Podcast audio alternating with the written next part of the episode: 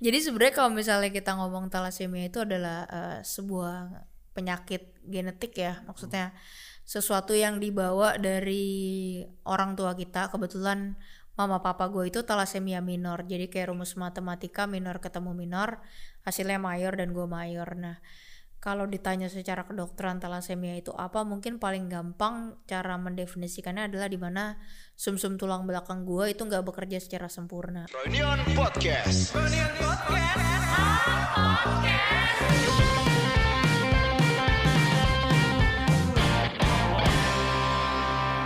Halo teman-teman, selamat datang kembali di Reunion Podcast episode ke-103. eh, kemarin gue tuh udah ngobrol sama Starcross foundernya itu Mas Tebong. Sebenarnya sebelum ngobrol sama Mas Tebong itu, gue menjadwalkan sama Stanley. Dan dia baru datang sekarang. Kenapa nih Pak? Kenapa sampai iya, kita geser-geser? Minta gitu? maaf dulu nih Pak sebelumnya karena um, sebenarnya alasannya basic sih Pak. Maksudnya gue bukan emang hindar tapi uh, sorry banget karena dari minggu-minggu kemarin ya karena kan harusnya jadwalnya minggu lalu tuh. Uh. Jadi kayak minggu awal Januari itu persis habis tahun baruan gitu gue tiba-tiba demam. Tapi mm-hmm. iya parno parno covid sih jujur parno covid. Tapi uh, gue cek langsung ke dokter ternyata cuman viral infection aja sih. Sempat diduga DBD atau tipes mm. tapi enggak sih. Maksudnya gua itu sempat demam dari minggu malam sampai sekitar Selasa tapi uh, turun terus hmm. uh, membaik. Cuman ya sempat emang buang air besarnya tuh bener-bener ngaco banget yang udah air doang gitu. Iya, jadi daripada gue dateng lo khawatir kan ya iya, kan? iya, terus lo ketularan gue gak dateng makanya mendingan sekarang ya udah sehat. Tuh, lebih better lah. Alhamdulillah puji Tuhan. Puji Tuhan. Gue kenapa mau ngajak lu Stan karena ini kan awal tahun. Gue tahu persis ini gue penasaran nih orang-orang kayak gini tuh netapin target kah atau gimana gimana kalau lu biasanya kan gue terutama di kantor dan anak-anak seumuran gue dan Agung gitu yang masih fresh graduate misalnya pada netepin target gue harus ini harus itu dan dari kantor juga ada tuh hmm. kalau lu gue udah kepikiran ini pasti jawabannya nggak sama nih gimana kalau lo gimana sih? Eh nggak sama sudah seorang aneh ya gue nggak sama justru menarik karena Gak sih kalau dari beda. kantor ya pasti lah ya pak maksudnya lo kerja di mana pun like itu or not pasti ada yang namanya target. Pasti kantor ada target. Mm-hmm. tapi kalau lo tanya gue sebagai seorang pribadi tahun baru lo ya. Gue orang yang udah dari tahun 2017 mungkin gak pernah punya New Year's resolution pak. Jadi kalau ditanya resolusi gue ya mungkin paling simpel ya to be better aja sih maksudnya. Karena 2021 ada hal yang membuat gue puas dan ada hal yang membuat gue nggak puas. Jadi hmm. ya yang coba gue perbaiki adalah apa yang membuat gue nggak puas di 2021 gitu.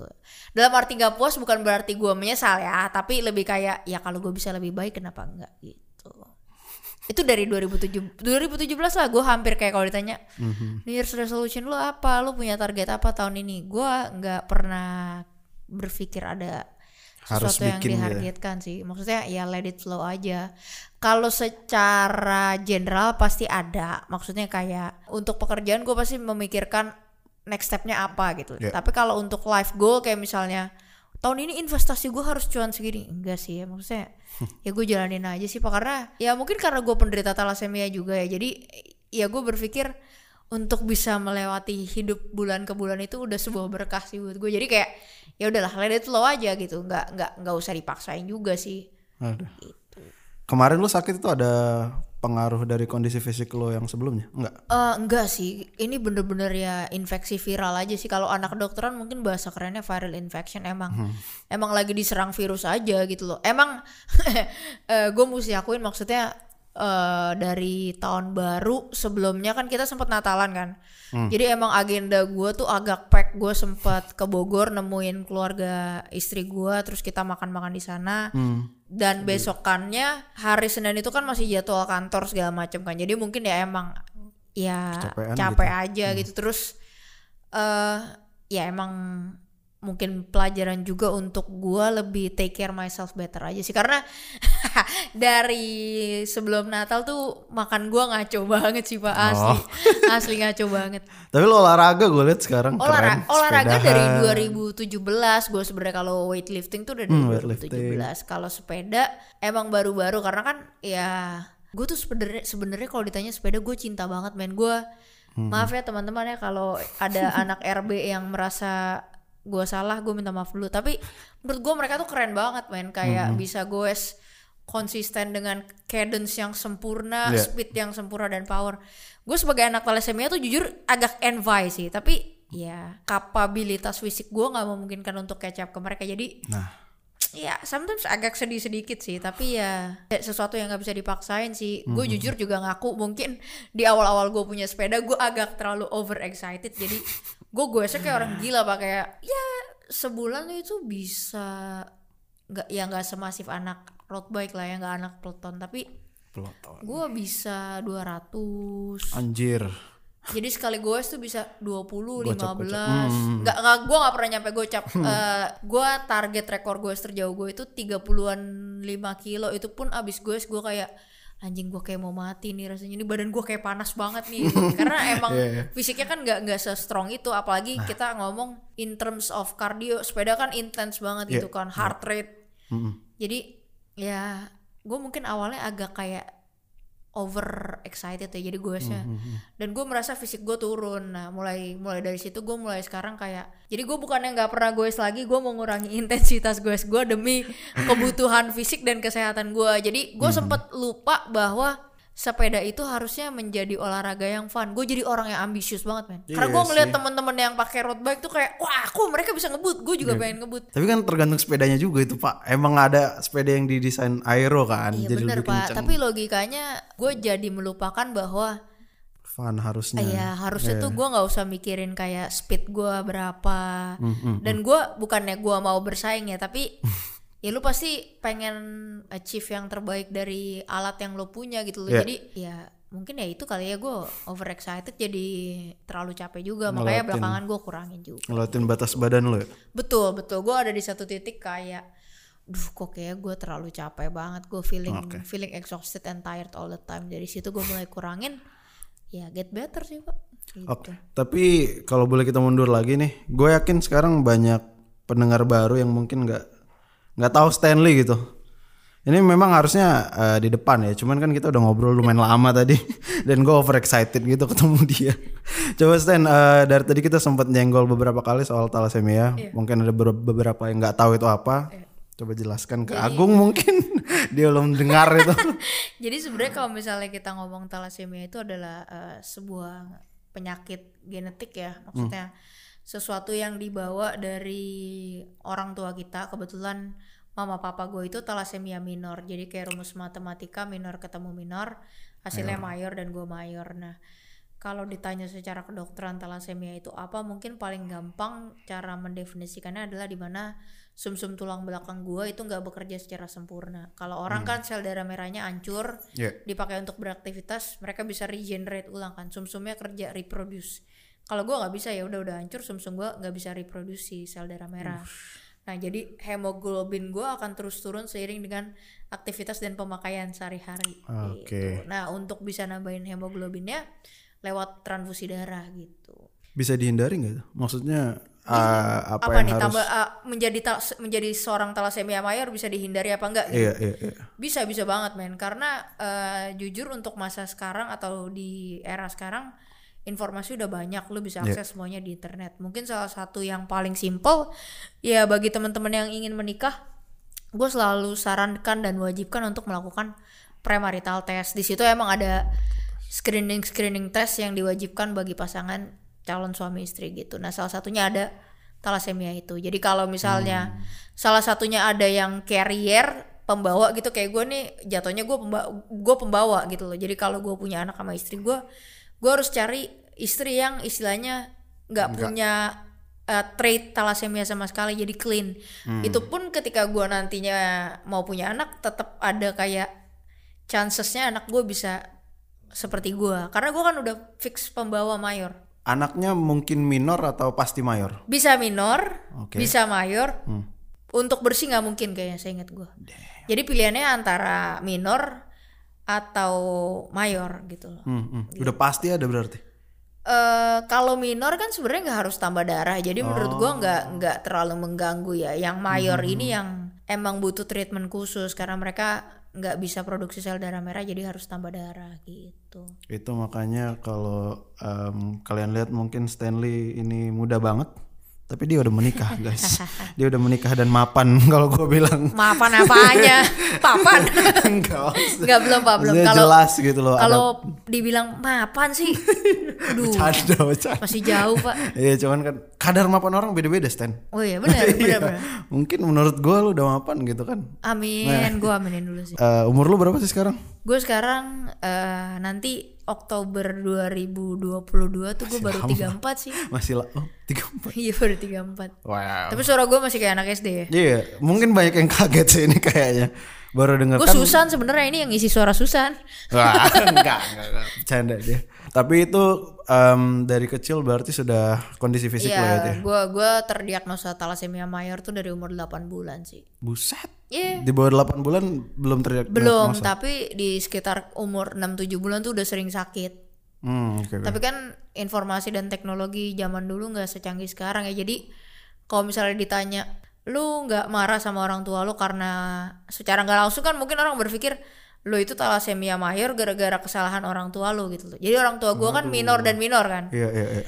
Ya kalau dipikir mau marah juga nggak ada gunanya karena zaman dulu apa ya di tahun 90-an gitu kayaknya Serba kata thalassemia itu adalah sesuatu yang sangat awam bagi orang-orang Hmm, hmm. gitu loh bahkan mungkin sekarang masih ada orang yang nggak tahu gitu loh. Iya, banyak mungkin. jadi kalau ditanya menyesal atau marah sama mereka nggak bisa sih. Maksudnya kayak ya di era itu nggak ada informasi yang akurat akses informasinya juga sangat terbatas gitu. Kalau sekarang kan ada internet gampang lo bisa cari. Sekarang kalau lo nonton atau lo dengerin podcast ini lo bisa search langsung thalassemia mayor. Pasti muncul udah banyak Iya. gitu kan. Tapi lu jadi apa enggak ya? Jadi apakah karena itu lu jadi lebih legowo atau tadinya lu marah dengan keadaan? Soalnya kalau mau disambung-sambungkan dengan obrolan kita tadi mungkin ya karena ibaratnya toleransi pain lu itu udah tebel banget gitu loh Stan. Dibanding kita yang millennials gitu walaupun gue males menggunakan kata itu gitu. mungkin millennials tuh bukan pain tolerance rendah sih. Lebih ke ototnya tegang aja sih kalau menurut gue sih. Terlalu menanggapi ya. semuanya serius Iya, gitu loh. Tapi eh, kalau kita ngomong legowo eh, sebuah proses sih ya Frank. Maksudnya nggak nggak ada nggak ada orang yang gue rasa dilahirkan langsung sebegitu lapang dadanya. Gue adalah di fase-fase rebel gitu kayak merasa eh ya gue tahu gue thalassemia mayor tapi gue ingin mencoba ini itu dan dan lain sebagainya. Dan ya sampai satu titik gue merasa kayak jenuh sih. Sebenarnya sempet jenuh sih kayak sampai kapan ya gue harus kayak gini gitu loh. Tapi untuk berpikir suicide pun pernah gitu kayak lu merasa compare to other peoples gitu ya lu merasa sebenarnya tuh kalau mau dibilang penyakit ini mungkin menjadi satu satu yang membatasi gue secara nggak langsung gitu loh karena sebagai anak laki-laki cita-cita gue sebenarnya pengen jadi pemain bola Nah. Iya, itu iya. cita-cita gue dari kecil gitu tapi ketika gue sadar itu sesuatu yang nggak bisa gue gapai Hmm. gue kan harus mencari cita-cita yang baru ya maksudnya Ah, iya. jadi ketika gue menjalani hidup gue gue ada di titik di satu titik merasa kayak kayaknya gue kok nggak bisa punya cita-cita ya. Oh. ya apa apa karena apa karena gue nggak pernah yang kayak tadi gitu Hmm, loh apa karena gue nggak pernah punya target harus kayak gimana. Jadi sempet di satu titik tuh kayak sekitar tahun 2016 lah mungkin gue sempet berpikir kayak gue tuh sebenarnya hidup gini tuh ada artinya gak sih buat orang? gitu loh. Maksudnya kalau gue harus menderita dan gue nggak berarti buat orang juga ya ngapain juga gue hidup gitu kan. Tapi ya beruntungnya seiring dengan berjalannya waktu gitu ya meskipun gue sempet pengen suicide ya ya nggak jadi gitu loh. Karena ya as a Liverpoolian gitu ya YNWA, NWA, bro. Bareng lagi. Iya tapi benar benar benar maksudnya gue di saat gue sempat berpikir pengen suicide itu gue selalu berpikir ya ya itu uh, message itu loud and clear in my head gitu loh. Dan ketika you never walk alone itu gue pegang ya udah gue berpikir kayak ya harus belajar legowo lah. Dan gue mulai sebenarnya tuh gue merahasiakan banget sih soal penyakit gue ini. Lama lama. Nggak banyak orang yang tahu gue itu sakit kayak gini. Paling cuman inner circle aja. Kayak lo kebayang lah paling 10-15 orang lah gitu yang benar-benar tahu kondisi gue sampai akhirnya eh di sebuah video gue diundang sama Carlos Mr. Shodi temennya Iser Oh iya, tahu tahu. di situlah dia tanya gue kayak boleh nggak sih gue expose ini terus gue kayak sebenarnya gue agak males sih karena gue sempet waktu itu berpikir kayak jangan-jangan orang stigmanya jadi kesian gitu ya jadi kayak Hmm, iya, jadi iya. kayak nganggep remeh Itu yang gitu males ya. ya. ya itu gue males tapi hmm, turns out di situ ketika gue speak out responnya bagus banget dan gue baru sadar men ternyata banyak orang yang maaf ya gue bukannya mengecilkan penderitaan atau kita adu kuat penderitaan nih. Tapi banyak orang yang ternyata nggak sakit kayak gue gitu ya yang nggak harus ke rumah sakit setiap bulan. Tapi mereka juga desperate. Mereka tired sama hidup mereka. Iya, iya, iya, iya. Di situ gue mulai berasa kayak oh I think ya ini yang dinamakan bahwa eh, Tuhan tuh punya rencana sesuatu dalam hidup lo gitu loh. Dan itu gue mulai mulai mulai berani speak out lah meskipun gak sefrontal sekarang. Iya. gue udah mulai kadang-kadang nge-share di Instagram gue tuh kayak gue lagi transfusi gitu. Meskipun kadang-kadang yang udah sering lihat juga masih nanya kenapa? gitu loh. Karena mungkin mereka berpikir gue masuk rumah sakit karena sakit sesuatu gitu. Sampai akhirnya gue mulai lebih bawel lagi soal penyakit gue itu pas eh gue diajak sama Mandy. Oh iya. Mandy CJ buat bikin konten pilot project nggak sopan di USS Fit. Dan itu pecah. Meskipun konteksnya nggak sebenarnya nggak terlalu mengangkat thalassemia gue sih. Lebih kayak stigma stigma negatif atau ya perlakuan yang kurang baik yang gue terima gitu loh. Karena kan ya nggak bisa dipungkirin penampilan fisik gue berbeda banget. Kayak gue nggak punya Frankie banyak gitu kan udah Apa nih? brewok udah. Oh iya. iya. itu kan udah satu yang obvious gitu kayak pria umumnya berjakun gue nggak berjakun pria umumnya tinggi gue ya seadanya aja Gue juga sama sama lu tingginya, gue Iya, nggak terlalu tinggi. Iya, tapi kan setidaknya Oh, lebih banyak. lebih lebih normal gitu kan. Jadi dari situ barulah gue mulai lebih banyak ngobrol lah soal sounding ini karena kalau ditanya tujuan gue berkonten sekarang apa ya salah satunya mungkin gue pengen teman-teman yang masih muda nih lebih aware, lebih bijaksana dalam mengambil keputusan berpasangan hidup sih. Oh, keren banget. Ya habis gimana pak kalau misalnya kan lu tadi tanya bisa dicegah atau enggak? Iya. Sebenarnya bisa dicegah, tapi kenapa jadi misalnya angkanya tetap sama dan terus bertambah? Oh. Ya mungkin karena mereka nggak mau akses informasi itu, Dan gak aware masih aja. awam. Iya sih. Iya. Gitu. Nah, gue nggak tahu maksudnya gimana cara yang bisa lebih masif lagi untuk menggaungkan suara ini gitu loh. Padahal kan sebenarnya sempat viral juga kasusnya eh, Andri Ganda, eh, salah satu orang cameo project. Kan anaknya Conan dan Kristal itu sama-sama thalassemia mayor dan sempat diekspos sama Om Deddy Kobusier juga gitu. Tapi mungkin ya karena gini sih ya maksudnya kalau lu bilang orang sakit thalassemia itu secara tampilan nggak nggak terlalu terlihat kan ya maksudnya Iya, sebenarnya kalau gua nggak tahu mungkin gua ya udah Iya, mungkin gitu. umurnya Paling- emang masih muda iya, aja gitu iya, kan. iya. beda sama orang yang punya penyakit yang kronis disease gitu loh Hmm, kayak contohnya kalau orang sakit kanker kan kelihatan banget kalau mereka lagi chemo struggle gitu Iya. jadi mungkin orang nggak nggak aware juga gitu loh ada gitu loh sebenarnya nama penyakit thalassemia mayor tuh ada Hmm, gitu loh Tapi yang perlu apa ya? Yang mungkin bisa gua dan teman-teman lain syukurin tuh lu udah berani untuk ngomongin ini dan lebih vokal sekarang. Jadi lebih banyak yang bisa mencegah itu loh. Benar, karena gue merasa itu jadi tanggung jawab gue sih. eh kalau kalian bisa belajar dari gue, kenapa kalian harus terjerumus di lubang yang sama dan Suka banget. tuh. mengalami gitu loh? Karena Iya. Lu mesti tahu untuk berhadapan dengan anak thalassemia itu nggak gampang. Waktu, uang, tenaga. Itu kos utamanya. Iya, maksudnya apalagi kalau lu bicara lu pasangan muda, lu yakin lu bisa afford untuk rawat inap rumah sakit untuk tambah darah setiap bulan sekitar 3 juta mungkin? Buset. itu baru tambah darah doang ya belum anak thalassemia itu ada obat buat kelasi besi sekitar ya 5-6 juta lo kebayang kalau lo pasangan muda gitu loh Gue hitung tuh banyak banget. sih maksudnya eh ya kalau gue gue udah nggak bisa nggak bisa bilang enggak gitu loh karena itu udah kejadian ya and it happens to me gitu loh Iya.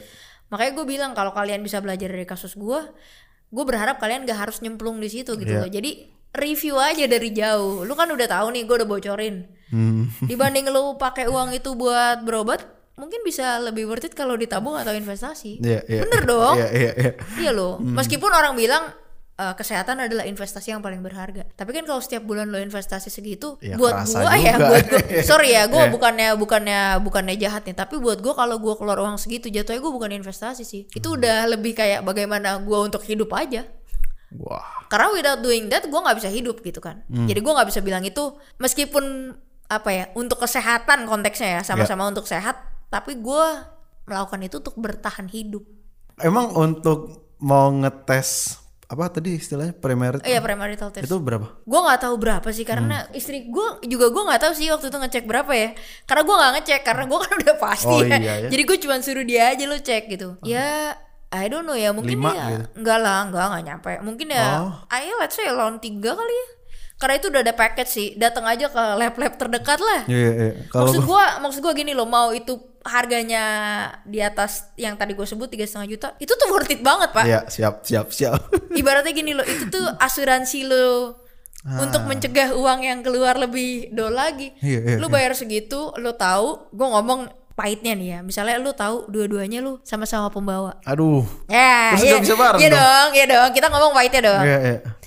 menurut gue ya kalau dibilang bisa bareng atau enggak bisa aja. Sah-sah aja menurut gue Tapi nggak punya anak. itu komitmennya. Aduh. harus kayak gitu. Dem. Da- dan dan eh, apa belum lama ini tuh di internet sempat viral men.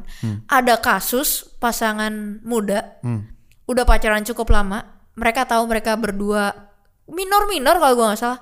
Mereka akhirin hubungan mereka. Gua buat lo kalau pendengar Froyonion ada yang atau broadcast ada yang tahu orang itu gue cuma mau bilang sama mereka asli gue respect banget sama kalian Karena kasihan anaknya gitu ya.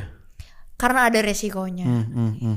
Belum tentu juga sih sebenarnya kan. Bener, kalau kita mau ngomong kalau kita ngomong belum tentu sih emang belum tentu pak. Tapi kita sudah bisa melihat kemungkinan itu sangat besar. Iya. Dan Respect. di dunia medis, menurut gua, meskipun resiko gagal atau resiko buruknya cuman kecil, resiko itu tetap bisa menjadi sesuatu yang besar. Jadi gua nggak mau ambil resiko kalau gue. Dan gua makanya gue bilang gue respect banget sama mereka gitu loh. Iya, iya, iya. Lu kebayang gak sih? Let's say gue nggak tahu mereka udah tunangan atau belum, and they decide to break up. It's a hard thing to do. Iya sih. Tapi kalau mereka nggak lakuin, mereka siap nggak terima konsekuensinya? Mereka tahu mereka nggak siap di akhir ya. Ya pasti sih menurut gue kan berat loh pak. Maksudnya lu mesti berpikir eh, angle-nya menjadi orang tua yang anaknya menderita thalassemia itu nggak gampang. Kalau nih kalau let's say pasangan yang tadi itu melanjutkan hubungannya dan anaknya positif kayak gua gitu ya thalassemia mayor, apa mereka nggak menyalahkan diri mereka sendiri? Karena mereka udah tahu resikonya kan. Eh, berat banget ah, Itu baru beban mental ya, Iya. belum belum beban Financial, keuangan yang iya. tadi gue udah bilang. iya. So ya bisa di stop gitu loh. Tinggal butuh kerendahan hati dan kepedulian aja sih. Maksudnya ya lu mesti sadar bahwa secinta-cintanya lu sama pasangan lu akan punya anak gitu kan. Iya, iya. Itu berarti nggak nggak bisa di track ke nenek kakek itu nggak Bisa, bisa, bisa, Oh, bisa, bisa, juga. bisa, bisa. Karena mungkin di antara keluarga bokap nyokap gue itu pernah ada, tapi Cuman yang nggak tahu gitu. yang hidup yang pernah gue lihat nggak ada satu-satunya Ah, di keluarga iya, besar nyokap gue ya gue, satu-satunya di keluarga besar bokap gue ya gue. Hmm, hmm, hmm. Gue punya adik, tapi adik gue bersih. Itu Ah. adik gue itu tes DNA waktu masih dalam kandungan. Wah. Nyokap gue separno itu. Iya, iya, iya. Dan ketahuan ternyata enggak. Ya, Jadi ya aman makanya gitu. aman. Gitu. But I'm happy for you man. lu lo vokal di sini sekarang gue seneng banget. harus sih man karena maksudnya health is a priority investment sih menurut gue kalau lu bisa pastiin lu sekeluarga sehat I think it's more than enough sih right now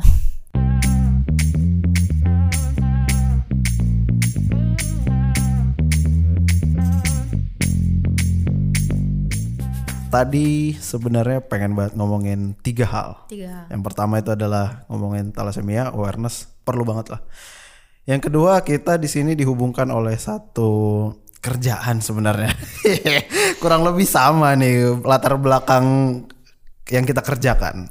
Bapak kan silahkan dulu dikasih tahu ke pendengar saya Bapak saya, ini be- saya bekerja di salah satu media kebetulan di divisi website ya tapi saya lebih senang menyebut diri saya budak korporat Aduh, media keren, media keren bikin event berapa kali masa? Bercanda bercanda enggak. tapi ya pada dasarnya memang kita semua budak korporat pak setuju, Iya. setuju kalau itu. Iya gue gua kerja di sebuah media mungkin kalau mau disebut huruf depannya U belakangnya S ya udah, udah tahu lah kayak Udah tahu lah. tapi ada tambahannya ada F-nya belakangnya S juga karena ntar kalau gue sebut yang itu gue dikira kerja di Oh. yang relate sama sneakers Kan banyak ya. Banyak, Iya, iya, gitu iya. kan. Jadi gue sudah tahu, sama sneakersnya sudah tahu Stanley dari mana. Em, dia juga giveaway apa dia Enggak, enggak, enggak, enggak, enggak, enggak, enggak.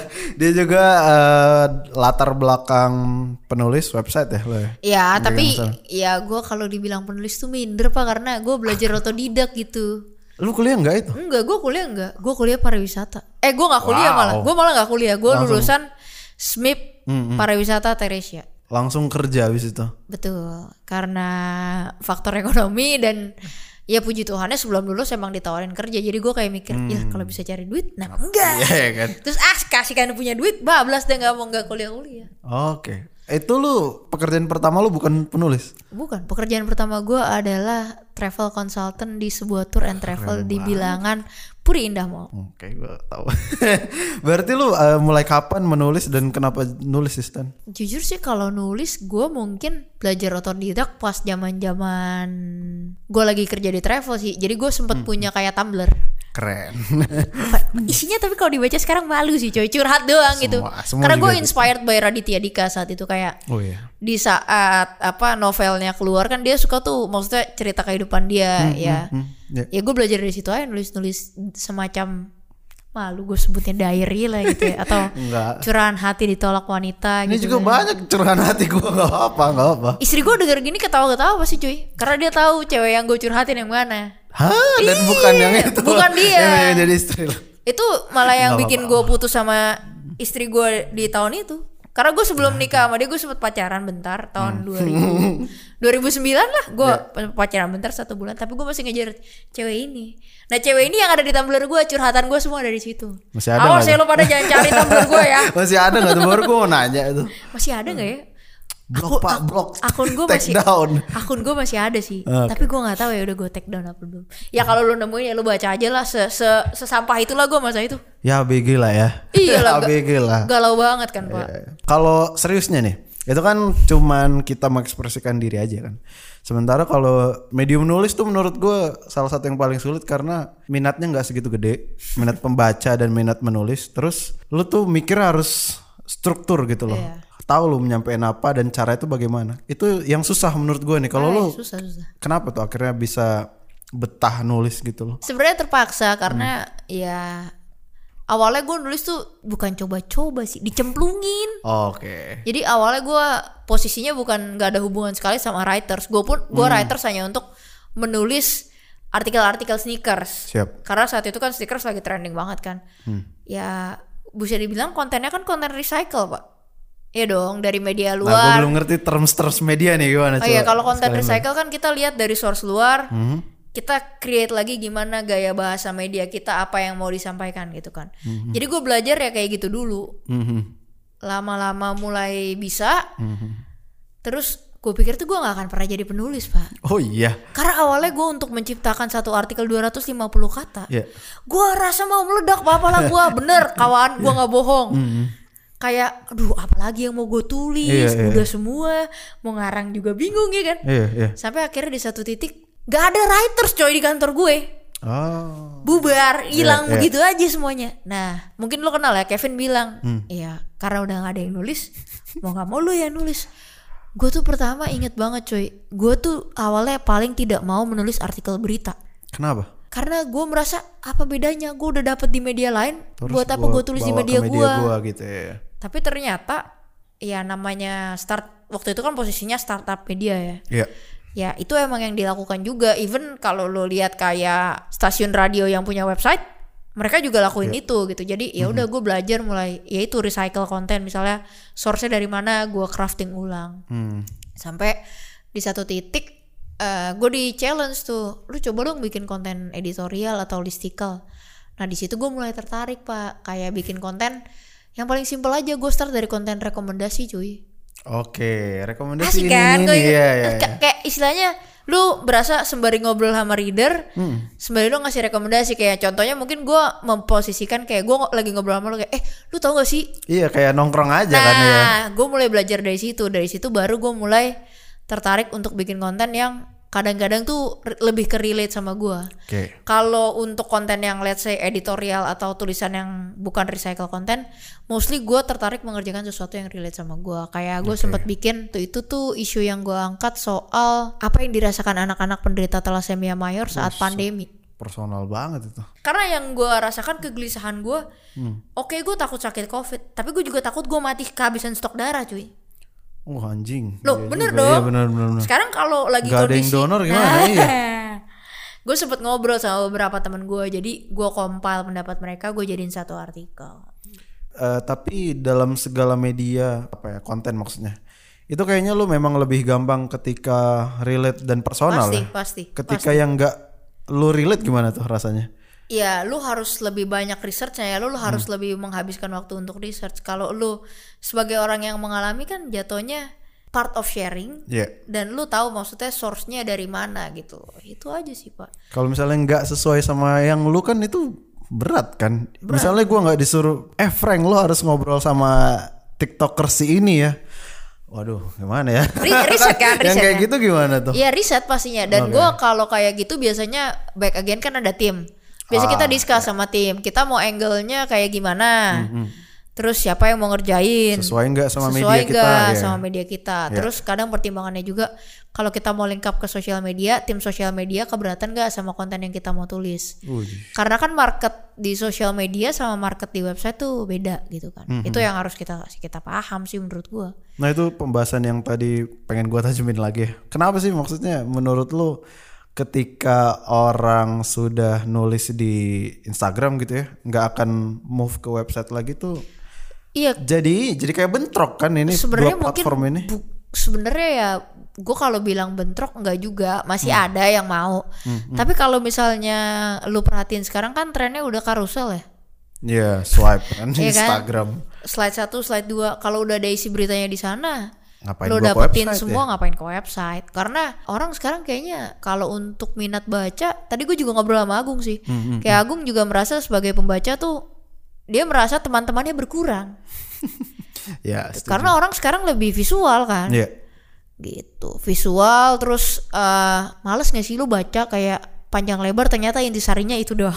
Iya sih. jadi mungkin itu gitu. Tapi menurut gua like it or not pasarnya website tetap ada sih Tapi kecil banget ya.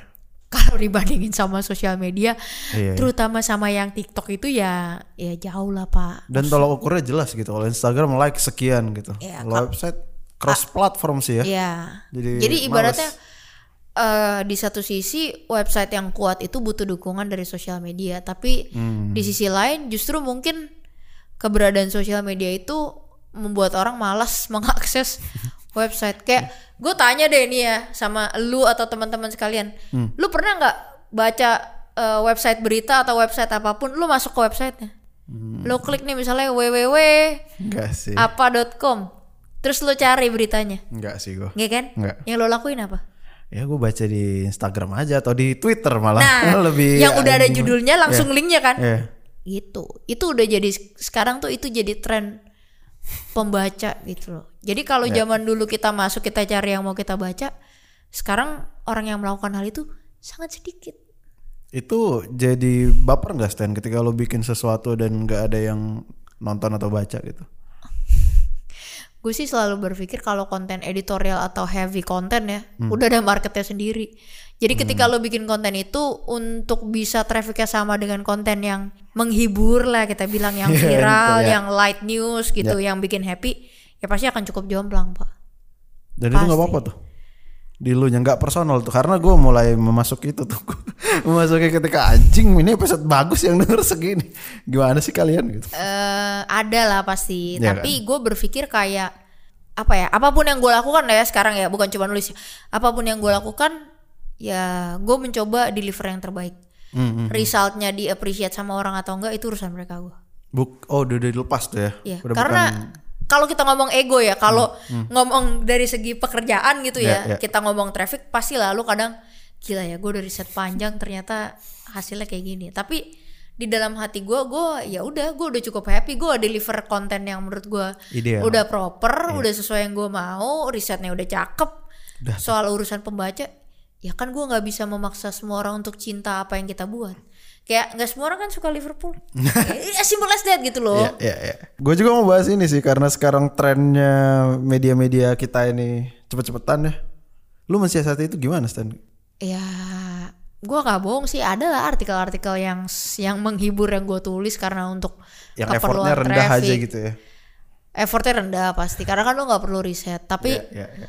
kalau lo udah ngomongin website yang yang istilahnya udah dilirik untuk sebuah placement gitu ya, trafficnya pasti jadi sebuah standar Ya. gitu. Nah, tinggal gimana pinter-pinter balance it out aja sih. Maksudnya media-media besar pun juga gue lihat sekarang kontennya bervariatif banget kok. Yang yang trashy banget juga ada, yang berkualitas ada. Tapi mungkin jumlah yang berkualitas gak semasif jumlah jumlah yang trashy. Jadi menurut gue tinggal pinter-pinternya aja sih. Susahnya adalah ya menyeimbangkan keduanya sih pak. Kayak mobil aja lah, lo tuning butuh waktu yang lama.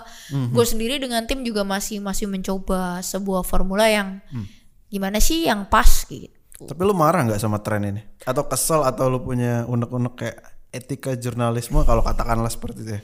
Kalau kita bicara- seharusnya tidak seperti ini gitu. Kalau kita bicara etika jurnalisme, para para senior termaksud salah satu teman gue di kantor juga pasti menyesal. Iya, gitu iya, kan. iya. Tapi ya trennya kan evolve terus ya pak. Kayak Iya. orang dicekokin berita yang serius terus juga pasti Ogah juga ya. ibaratnya ibarat, ibaratnya kalau gue mungkin bisa meng- mengambil perumpamannya berita berita bagus itu adalah makanan bagus yang bergizi. Oke. Ya kan? Ya, yang ya. sebenarnya bagus buat pengetahuan lo, buat knowledge lo. Dan kalau kita ngomong makanan, makanan bergizi bagus buat kesehatan lo tubuh lo. Tapi kalau setiap hari lo makan begitu, pasti lo satu saat pengen nyari yang jorok kan? Ya, iya, iya, iya. Makanan jorok kan? Iya dong. Nah, ya tinggal gimana Oke. kita kita bisa membalance it out aja sih menurut gua pak. Karena Analogi yang sangat mantap itu. iya karena kebanyakan makan makanan bergizi juga lu bosen gitu. Iya, Ada satu setuju. titik lu jengah lah. Let's say gue bilang gue itu pecinta musik jazz garis keras, musik jazz musik berkualitas gitu kan. Iya. Setiap hari gue dengerin jazz. Sebulan lu pasti bosen lu pengen dengerin lagu pop. Sesekali mah normal lah pak. Iya, iya, iya. Baik, baik, baik.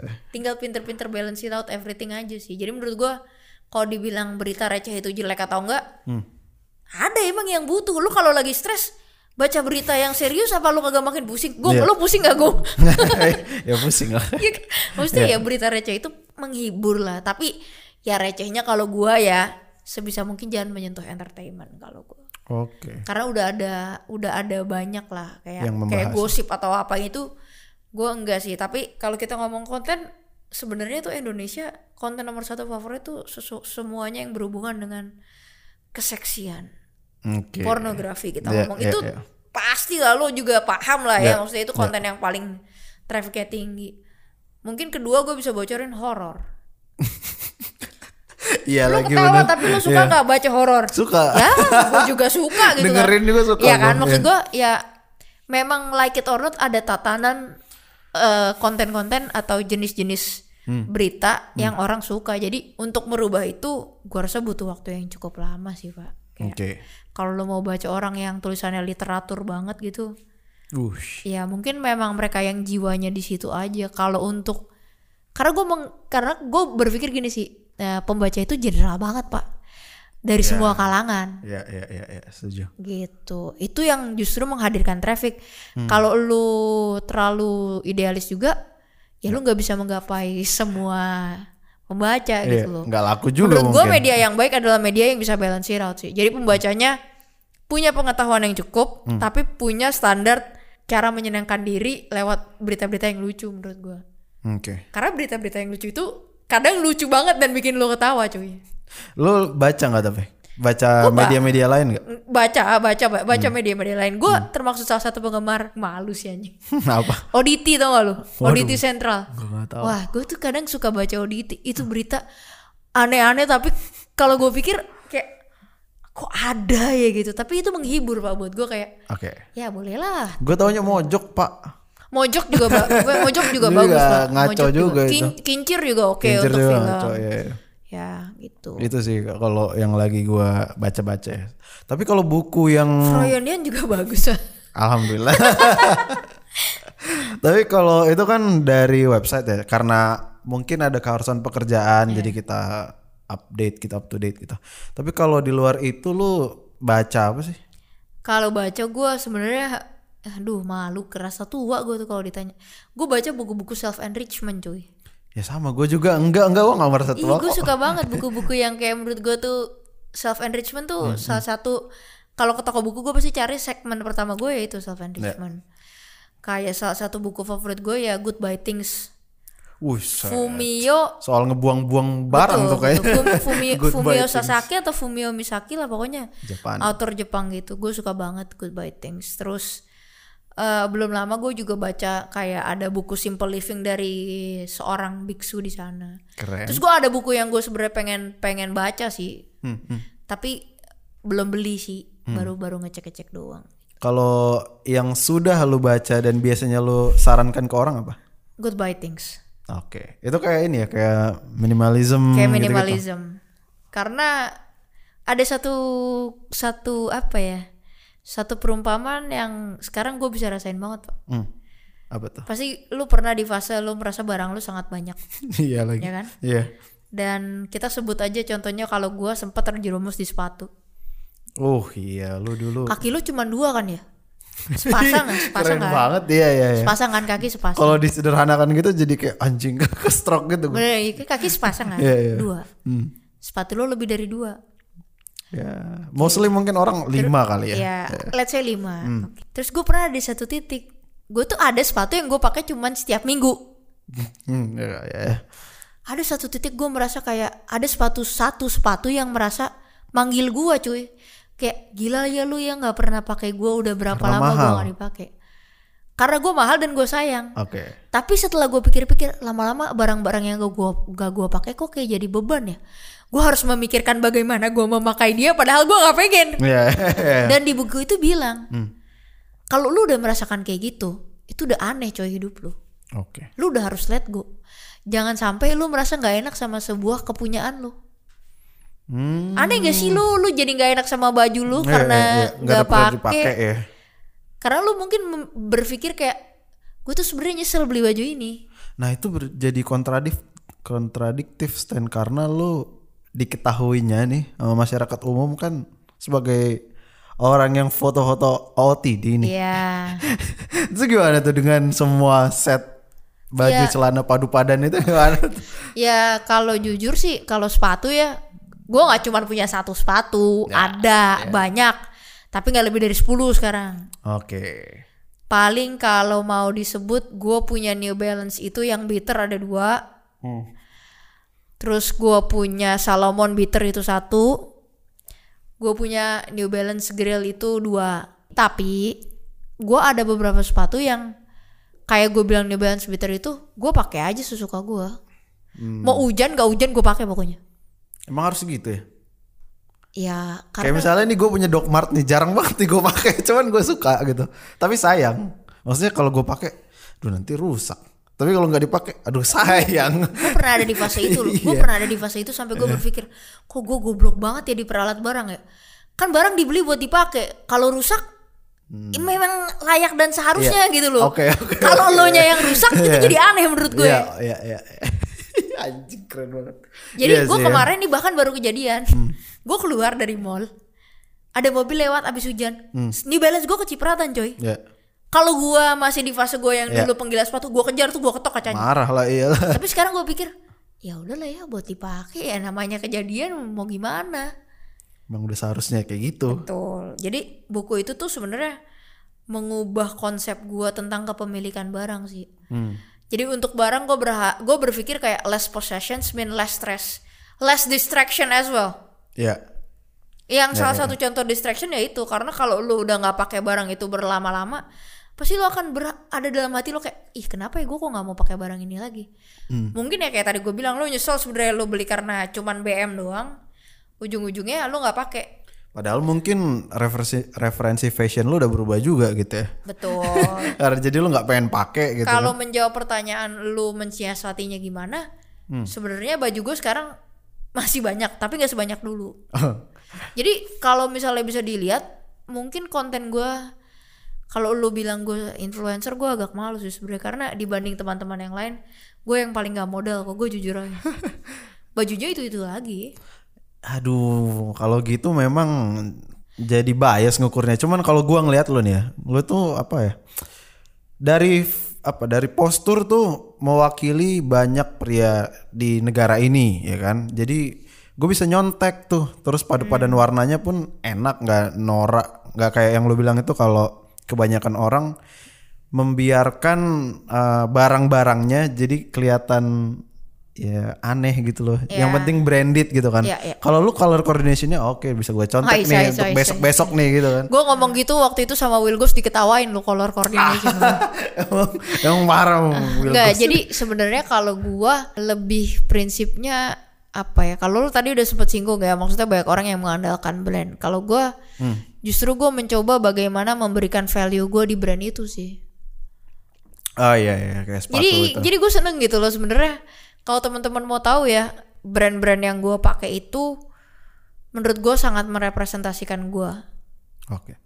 Jadi gue bukannya sombong kalau misalnya ada brand yang mau placement ke gue dan gak gue banget, biasanya gue tolak, Hmm, hmm. tolak beneran karena gue pertama mikirin sizing, terus gue pikir kalau misalnya gak gue banget buat apa? Karena again ujungnya kalau gue terima cuman buat uang, Iya. barangnya gak gue pakai, Iya iya. sayang mending temen brand ini jual barang itu ke orang yang mau dan dia dapat duit. Kalau Iya. ke gue kan dia udah mesti kasih barang, terus let's say gue nggak mau barter value. Hmm, bayar, sayang.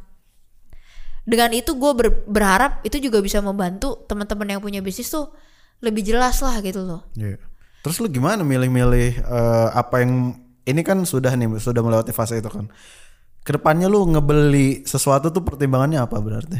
Kalau beli sih gue nggak pernah sekarang. Iya. Iya. Anjing keren banget. Nah terus gimana? terus gimana eh, predikat lu asik sebagai eh, influencer OTD itu gimana tuh ke depannya tuh? Diberhentikan tuh, kata udah. Gue gak gue jujur udah nggak peduli sih maksudnya predikat orang mau sebut gue apa ya si OOTD si siapa gue let them be aja gitu loh ya. Kalau teman-teman juga lihat dan follow Instagram gue Stanley underscore J. Dalam beberapa waktu beberapa bulan belakangan gue nggak nggak nggak nggak fashion banget bro. Iya juga sih. Bahkan gue malah sekarang lebih sering bikin konten kayak celoteh-celoteh gue yang sebenarnya terinspirasi dari William gitu dari William Gozali karena karena sebenarnya banyak keresahan di hati gue yang mungkin juga keresahan teman-teman. Jadi dibanding kontennya cuman OOTD OOTD terus, ya gue berusaha sekarang lebih lebih mencari konten yang bisa ngimbangin juga. OOTD mungkin masih jadi salah satu signature gue gitu. Tapi gue sekarang merasa gue tidak terbeban untuk bisa selalu OOTD dengan baju atau celana baru. Atau ngejer tren gitu ya orang lagi ada Betul. apa gitu ya. Karena ya itu tadi sih, gue lebih berprinsip kayak gue sangat senang ketika ada sebuah brand yang justru dikenal masyarakat luas karena gue pakai. Gue senang banget. Gue jujur tahu New Balance tuh dari lo. Waduh, kalau ini kalau New Balance ID denger gue harusnya di endorse nih. Gua- Tapi enggak enggak. Gue tuh pengen banget pengen banget beli 99 990 V4 itu gara-gara lo tuh. Ya. jujur ya. Aduh, tapi bener loh Pak. Gue tuh gue bukannya jahat ya, tapi pertanyaan bang beli New Balance di mana itu di DM gue hampir setiap hari masuk cuy.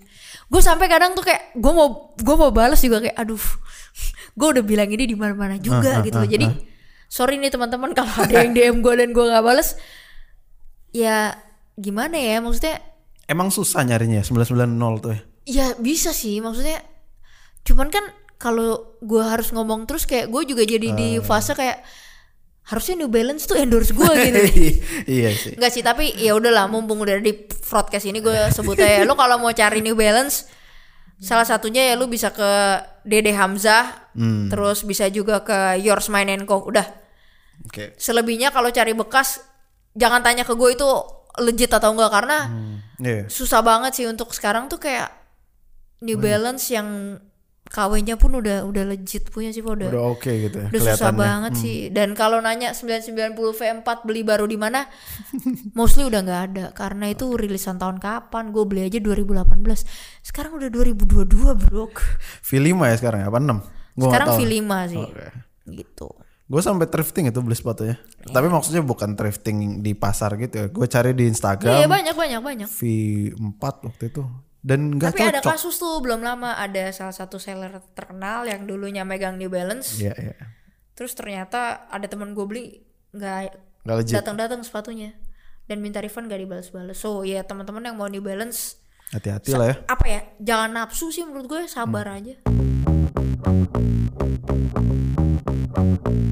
Itu sih yang gua inget ketika ng- ngomong sama lo tuh New Balance, Liverpool, mindfulness. Itu sebenarnya terlalu banyak yang bisa dibahas. Cuman mungkin yang bisa gue bahas terakhir tuh selalu Liverpool. Gue nggak tahu kenapa karena tadi ngeliat baju lo juga itu New Balance ya. Iya juga ya dia suka New Balance, dia suka Liverpool juga nih. Kayak kita kan kemarin tuh juara ya. ini ini udah lama lama banget itu ya. Udah segmen Liverpool fanboy aja nih. Kemarin kita juara dan sekarang kayak lumayan terseok-seok. Lu hampir setiap kali gue nonton dia nonton juga nih. Gue kan ngupload dulu kan sebelum Iya, match. Dia juga ngupload. Dan sekarang kita kayak lagi kacau-kacau juga nih gue liat. Lu gimana ngeliat Liverpool sekarang Ten? Dan ada dan apakah ada kemungkinan kita menang IPL? Ini tiba-tiba ngomongin bola, cuman gue nggak pernah ngomongin bola pak, gue pengen apa- banget. tapi seru pak gue tuh gue demen banget ngomongin bola Yes. Meskipun kapabilitas gue ya di bawah teman-teman ada teman gue yang jago banget lah ngerti Hmm. ngerti banget lah tapi kalau kita ngomongin Liverpool Iya.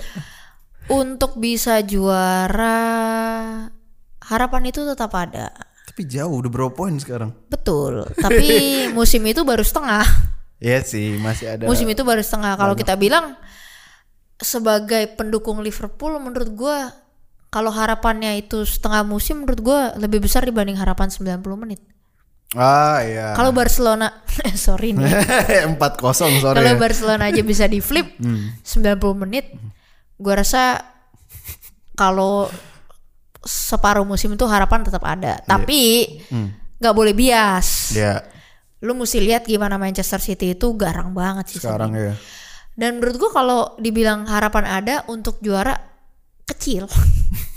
Kalau mau ngomong fair kecil Mereka karena lagi bagus banget sih itu soalnya. karena City-nya lagi konsisten banget, Hmm. pemain lapis satu, lapis duanya juga Hampir sama nggak kan beda jauh kualitasnya ya. kualitasnya. Kalau kita ngomongin Liverpool, lapis satunya ibaratnya Ferrari gitu ya, lapis duanya mobil-mobil Eropa yang Apalah, standar ya, gitu kan. Jadi susah sih untuk ngimbangin, terutama kita kalau ini Afconnya Mane salah panjang karirnya Iya, di sana, Iya.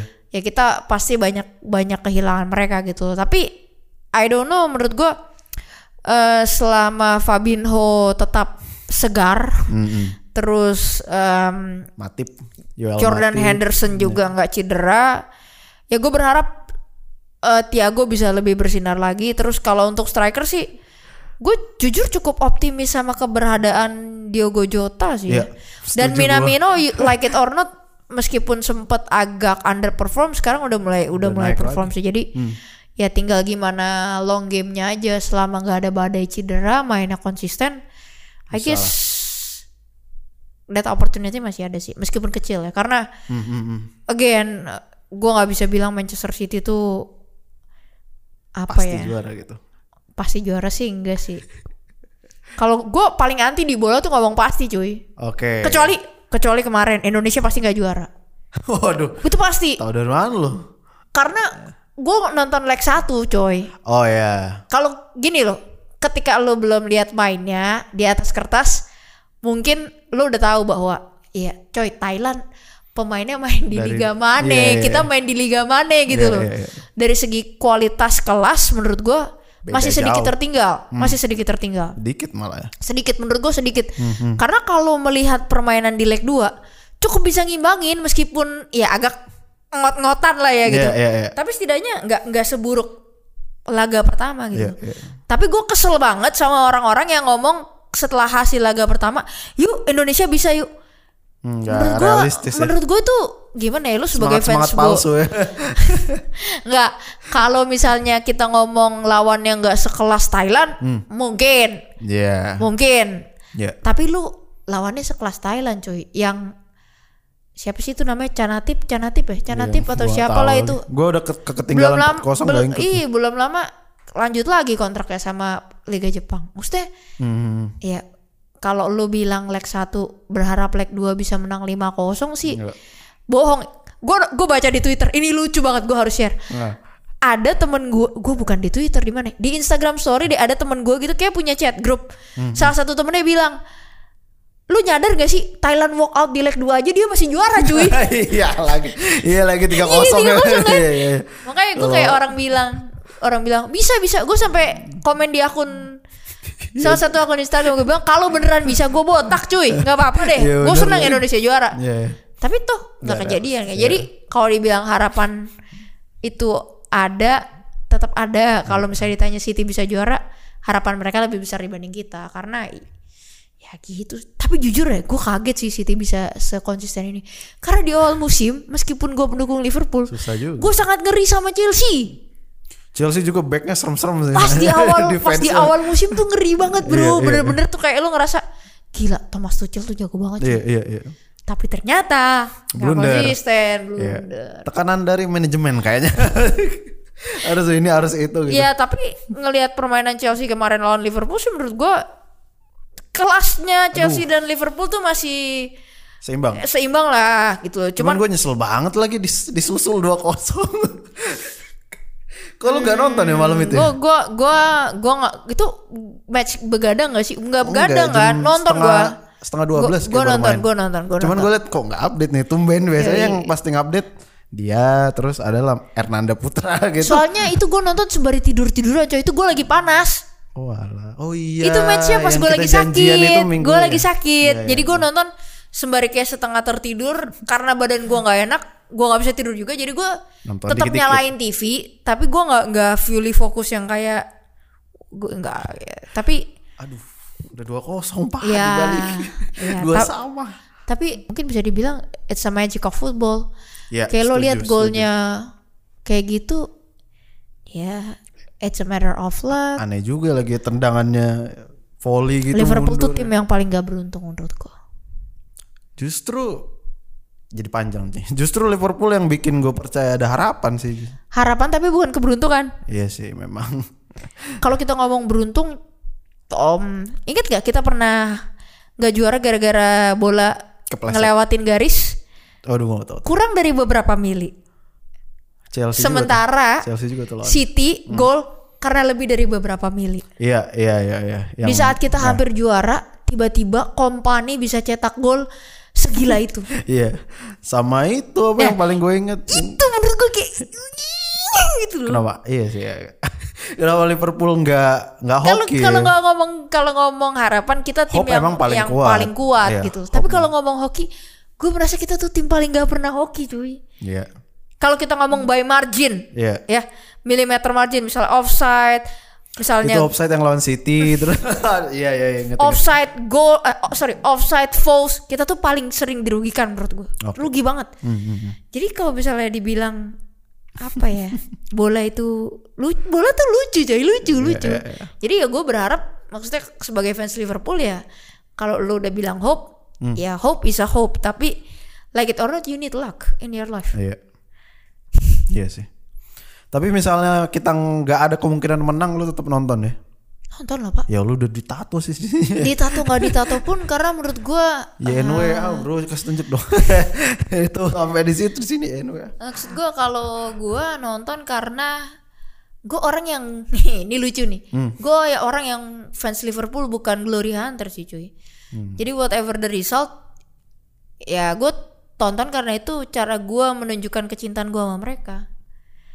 Kan Bill Shankly pernah bilang lo harus support tim lo kalah atau menang. Iya. Jadi kalau lo cuma support tim lo waktu menang ya lo bukan fans. Iya.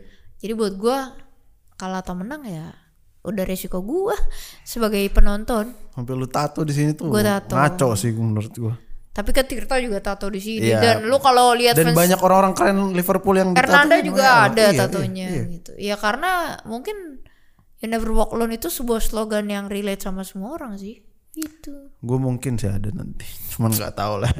Tapi ini yang terakhir pak, kayak apa sih yang pengen lo?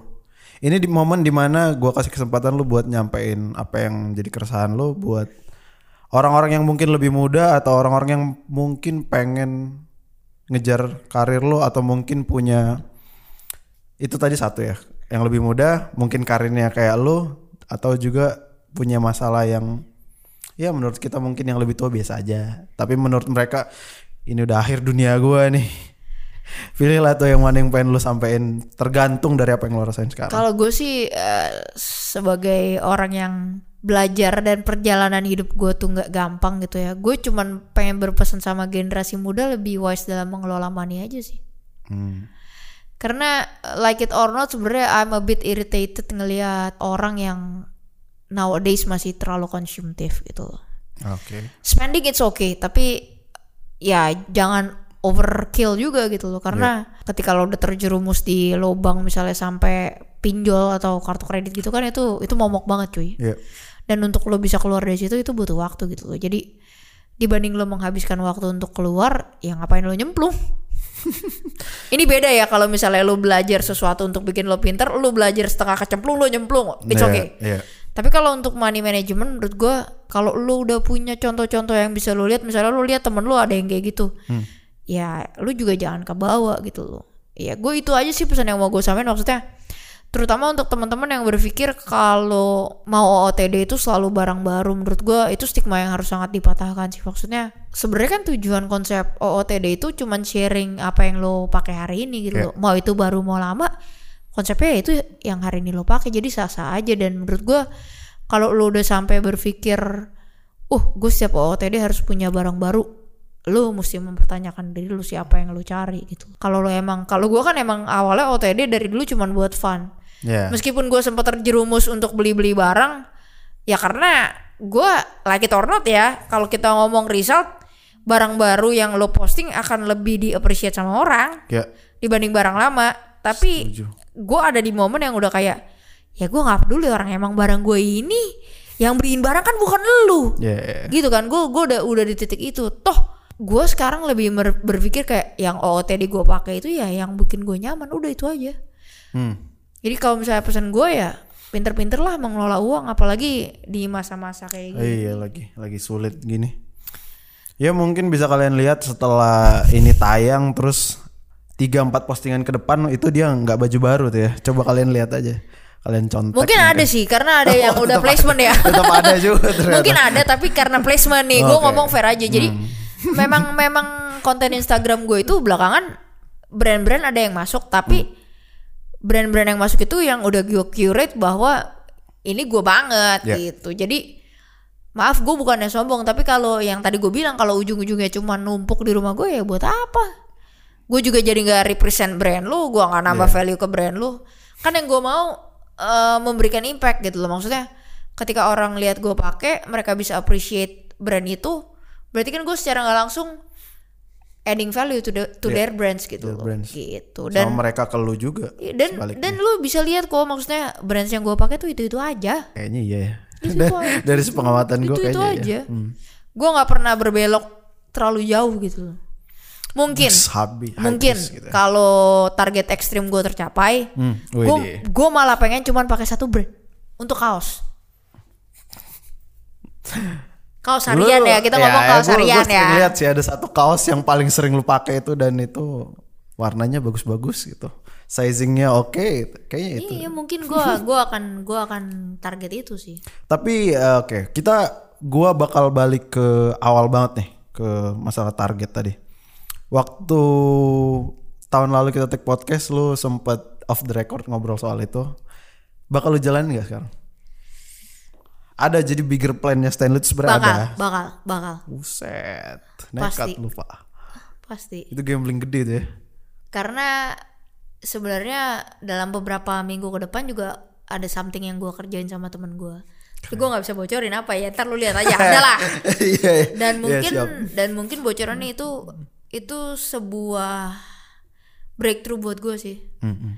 karena ya jujur kalau itu works gue nggak tahu ke depannya how big it can get Oke. kalau it gets bigger ya We'll see gitu ya. we'll see gitu maksudnya umur udah segini Hmm.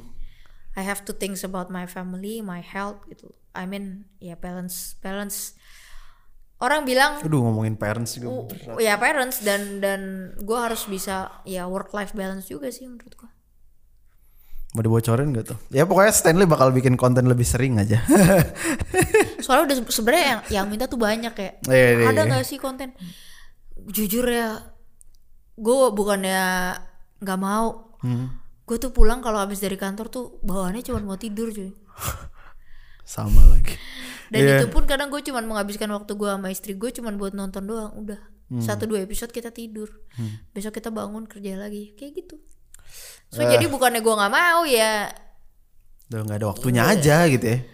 bukan gak ada waktunya mungkin waktunya sebenarnya ada weekend tapi Tenaga. gua memang tidak lagi berfokus di sana cuman bersabarlah kalau kalian memang ingin menunggu sesuatu dari gua gua jujur udah dibocorin Frankie sih saya brengsek nih orang ya gua jujur lagi mempersiapkan itu Iya tapi apa bentuknya gua nggak mau kasih tahu Nah, itu ditungguin aja lah. sama segmennya apa kontennya apa lu tungguin aja lah Siap. pokoknya Gue share terus. gue share terus Stanley. Apa pun postingan lu gue share support Stanley Agung pokoknya. diam aja dari tadi di ujung kedinginan gua pokoknya stand for Stanley asik. Stan gue gue gimana ya gue makasih banyak. ih gue yang thank you loh kayak Lu lu gue satu-satunya yang pernah diundang dua kali ya Iya dan karena emang gue pengen banget ngobrol sama lo lagi, gue pengen tahu kabar lu. Gue tuh sebenarnya lebih mundur lagi gue ngefans sama lu pak. Aduh. Gue dari jauh tuh waktu kita foto-foto di Plaza Senayan, lu bawa sepatu dua sama t-shirt Gosya Rubzinski itu gue udah, cing orang keren banget. Cuman gue nggak punya keberanian untuk dan nggak punya gelar Aduh, untuk. itu masa gue alay banget lagi. Tapi gue di situ udah notice anjing ini orang keren banget. Gue follow Instagramnya dan dari situ gue udah ke oke kayaknya bisa nih, nih orang gue ya gue amati gitu ya. Aduh, alay banget ya Enggak rambutnya. pak itu keren banget di situ. Rambutnya lagi ash silver gitu. Ada Bill Sati, ada teman-teman foto kita semua lah. Anyway, makasih banyak Stan. Gue doain yang terbaik untuk rencana lo semuanya. Sehat-sehat pak. Em, teman-teman terima kasih sudah mendengarkan Friend Podcast episode ke 103 ini. Eh, mudah-mudahan kalian mendapatkan satu dua hal yang bisa kalian terapkan di hidup kalian masing-masing. Sampai jumpa. Thank you.